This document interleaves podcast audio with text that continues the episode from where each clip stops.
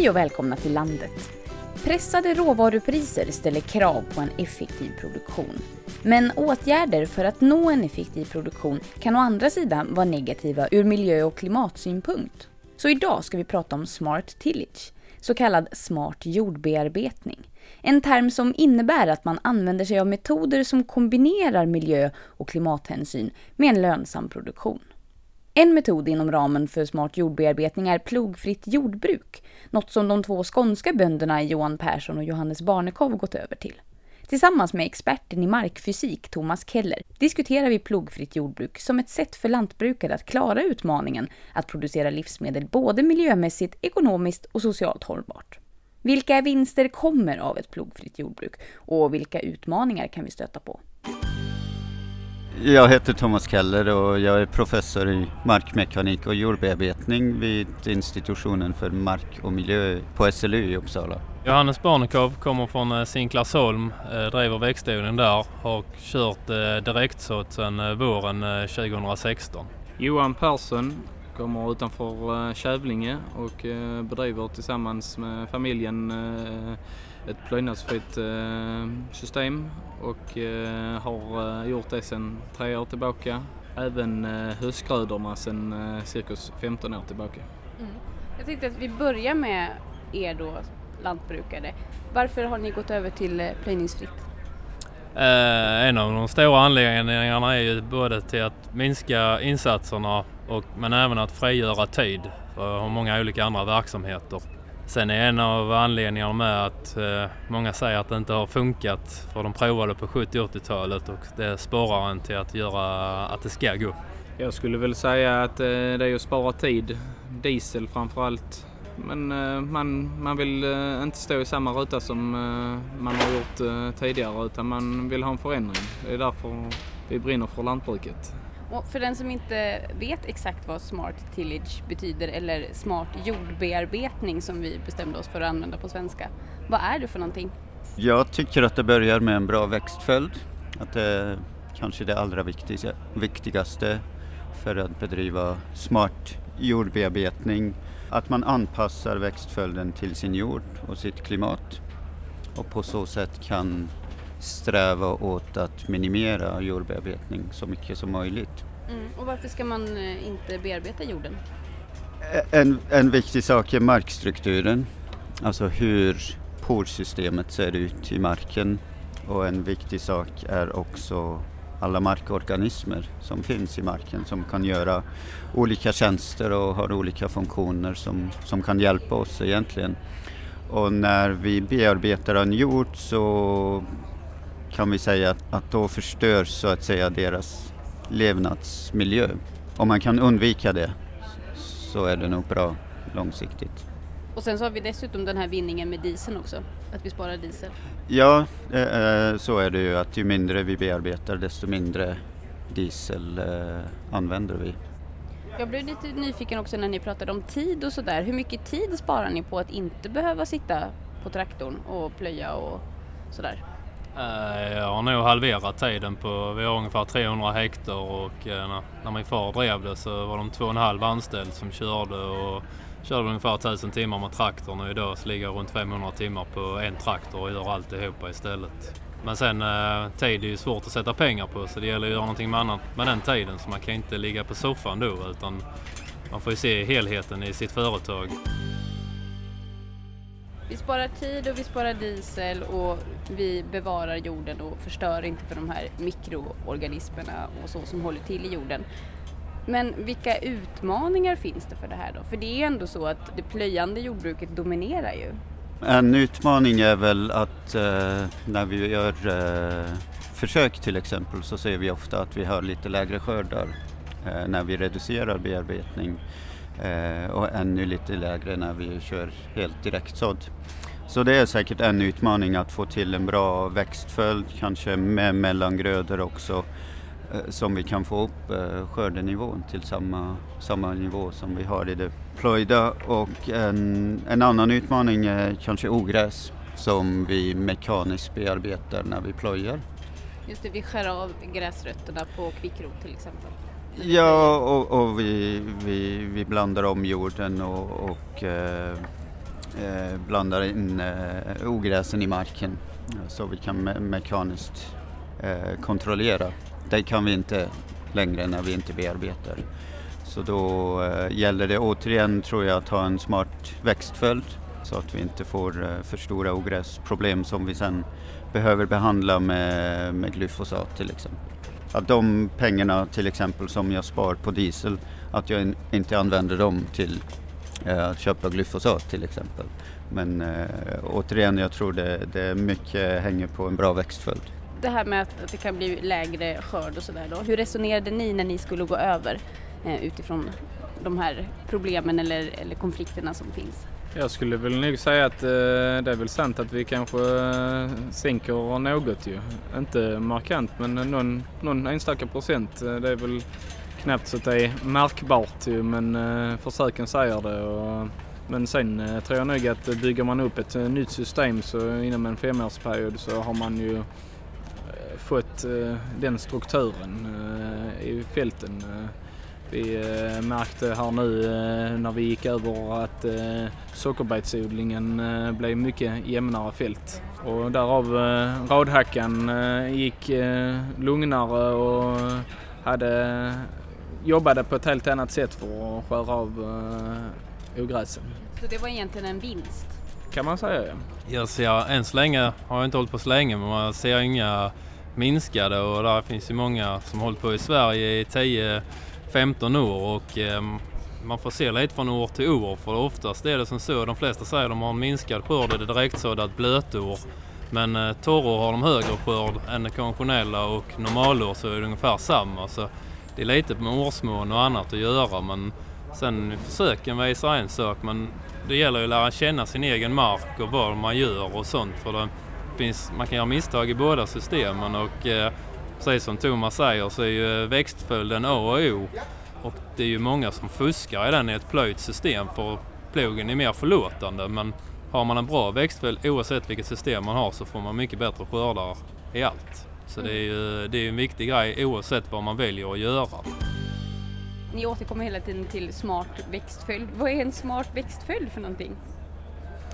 Ja, till exempel att man inte bara har eh, höstgrödor, att man inte bara odlar spannmål utan att det är en blandning av olika växter. Mm. Men pratar vi om en säsong eller pratar vi om... om eh, Det är flera, flera år som man pratar om att man har en flerårig växtföljd som man, det tar kanske sex år innan jag kommer tillbaks till samma gröda. Men behöver man göra det oftare när man jobbar plöjningsfritt?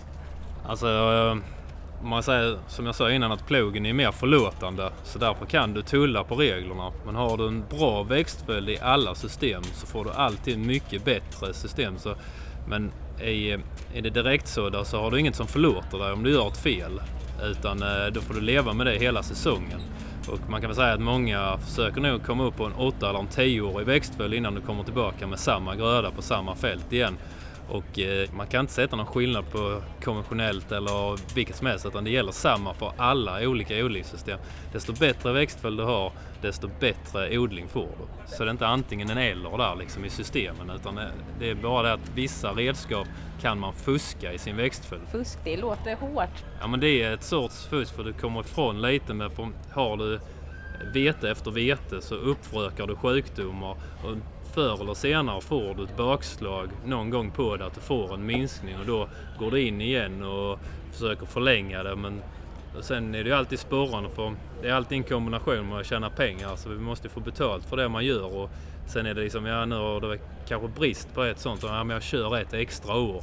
Men sen, du kan ju få ett jättebakslag och ja, får mer svamp och kör mer svampmedel och så blir det inte den lönsamheten. Och då kan man säga att om har fuskat, alltså man fuskar för sig själv.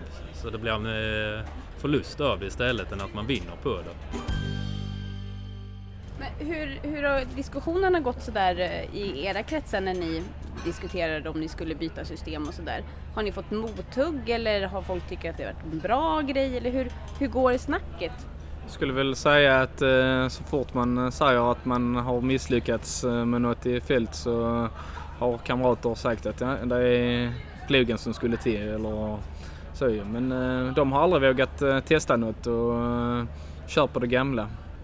Så att jag tror nog att det är också, jag har varit ute och rest mycket både i Australien och Kanada och jobbat och sett hur synvinklar, hur synvinklarna är utomlands och där är det ju mycket direkt sött. Hur gör de där? Men eh, de som kritiserar en, eh, de har nog inte eh, rört Sveriges gräns när det gäller jordbruket. Ju. Just plöjningssvikt det är ju väldigt vanligt i stora delar av världen där man har problem med till exempel jorderosion och sådär.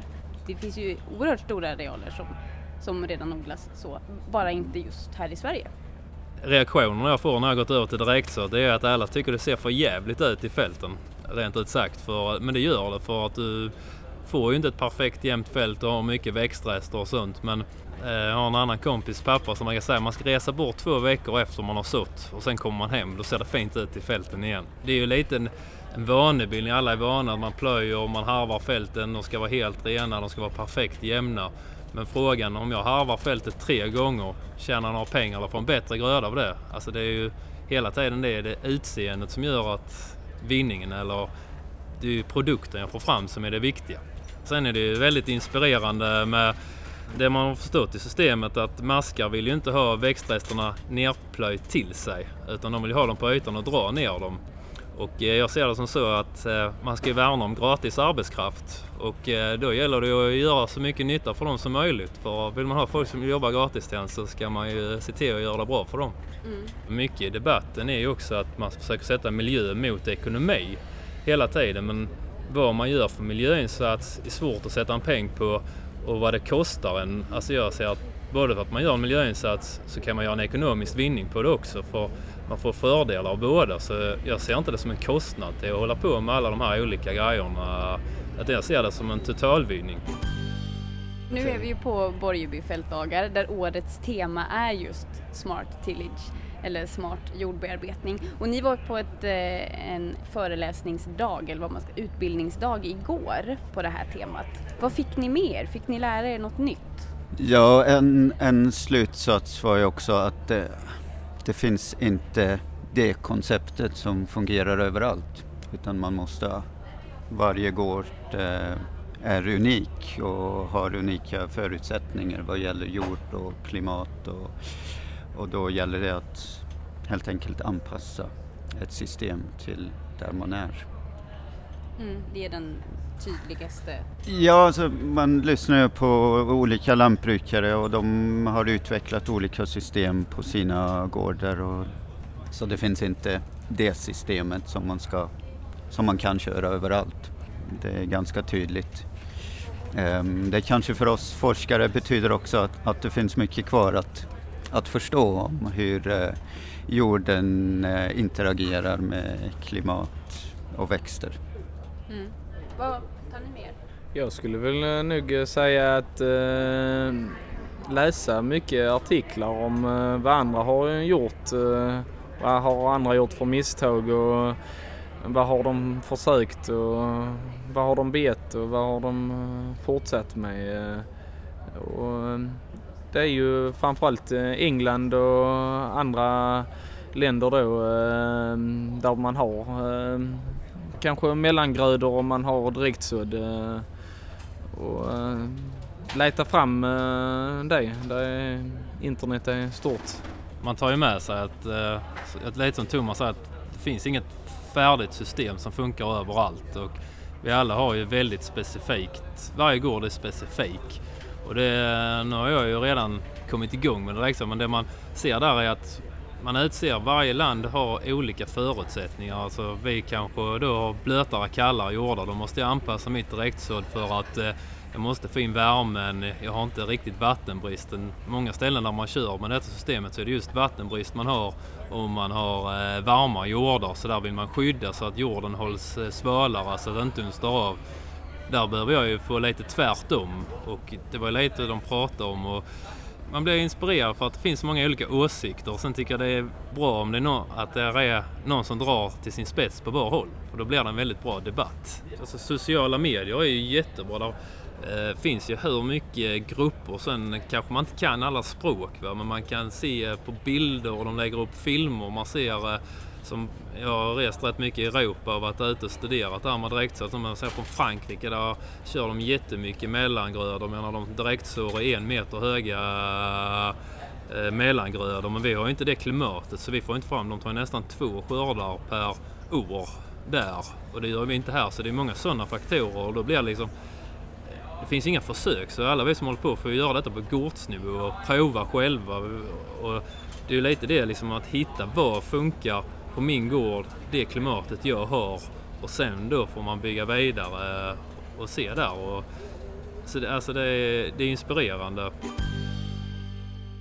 Vad skulle ökade kunskaper om Smart Tillage innebära för lantbruket i stort i det här landet? Ja, det innebär ju att vi kan behålla eller kanske till och med öka våra skörder och samtidigt minska de externa insatser. Alltså minska energiinsats, minska eh, gödsling, alltså handelsgödsel. Eh, ja. Vi som eh, satsar på något nytt måste ju berätta och verkligen visa eh, hur var det före och hur var det efter. De som inte har gjort något och inte hänger efter de ser ju bara hur det ser ut i fältet, att det ser kanske jävligare ut eh, men ekonomin vet de inte och det tror jag nog att vi måste vara mer öppna med och eh, vi som håller på med detta kanske eh, då går ihop och vad ska man säga, gör kompendier eller gör seminariedagar där vi berättar om vad, just vad vi har kommit fram till. För just nu så ligger ju Ja, vi får ju säga att eh, informationen ligger utomlands och den tar vi till oss men vi måste dela med oss också. Om jag är lantbrukare nu då, slutligen, eh, och blir lite nyfiken på det här och känner att det här verkar lite spännande och jag skulle vilja testa det här hemma hos mig. Vad är det första steget? Vad ska jag börja med? Ja, det är kanske att prata med en annan lantbrukare som har erfarenhet och som, som man kan ta del av. Jag tror det handlar mycket om att man eh, har ett kontaktnät och tar eh, del av andras erfarenheter. Och eh, också att, vi, att man tittar på vad, vad vi forskare gör mm. och kommer fram till. Nej, jag skulle säga att det är viktigt att man håller koll på forskning för det är därifrån vi ska ta slutsatserna och inte från vårt tyckande. Men sen innebär det alltid med stora alltså maskiner är dyrt. Och då liksom har man idag kört ett traditionsenligt plöjt system så kanske det är mer att man ska försöka hitta någon granne som då har en eh, kultivator om man vill gå till plöjningsfria. För jag menar, det finns så otroligt mycket maskiner. Nästan alla har sitt. Men menar, då kanske man kan göra av med den och så hittar man ett samarbete som är successivt. För inget system, man kan inte hoppa från det ena direkt till det andra utan det måste vara en successiv övergång. Och på det sättet då kan man i lugn takt hinna byta maskiner för det krävs lite annat och på det sättet bygger man ett samarbete och då kan man ha möjlighet till att komma dit man vill. Men... Så att om jag ska försöka sammanfatta det här så låt det ta lite tid, eh, prata med varandra, utbyta erfarenheter och eh, snegla på forskningen. Ja, plus att kanske våga testa. Det är väl en bra avslutning. Vågar man inte prova kommer man ingenstans. Man får ta bakslag och ta att folk skrattar lite kanske och säga att jag skulle gjort det liksom. Men vågar man inte så kommer man ingenstans. Det är liksom, man måste våga riska lite för att komma vidare. Du har lyssnat på Landet, podden bortom storstan. Landsbygdsnätverkets podcast som produceras av mig, Ida Lindhagen. Mer om oss hittar du på Landsbygdsnätverkets hemsida och i sociala medier. Vi hörs!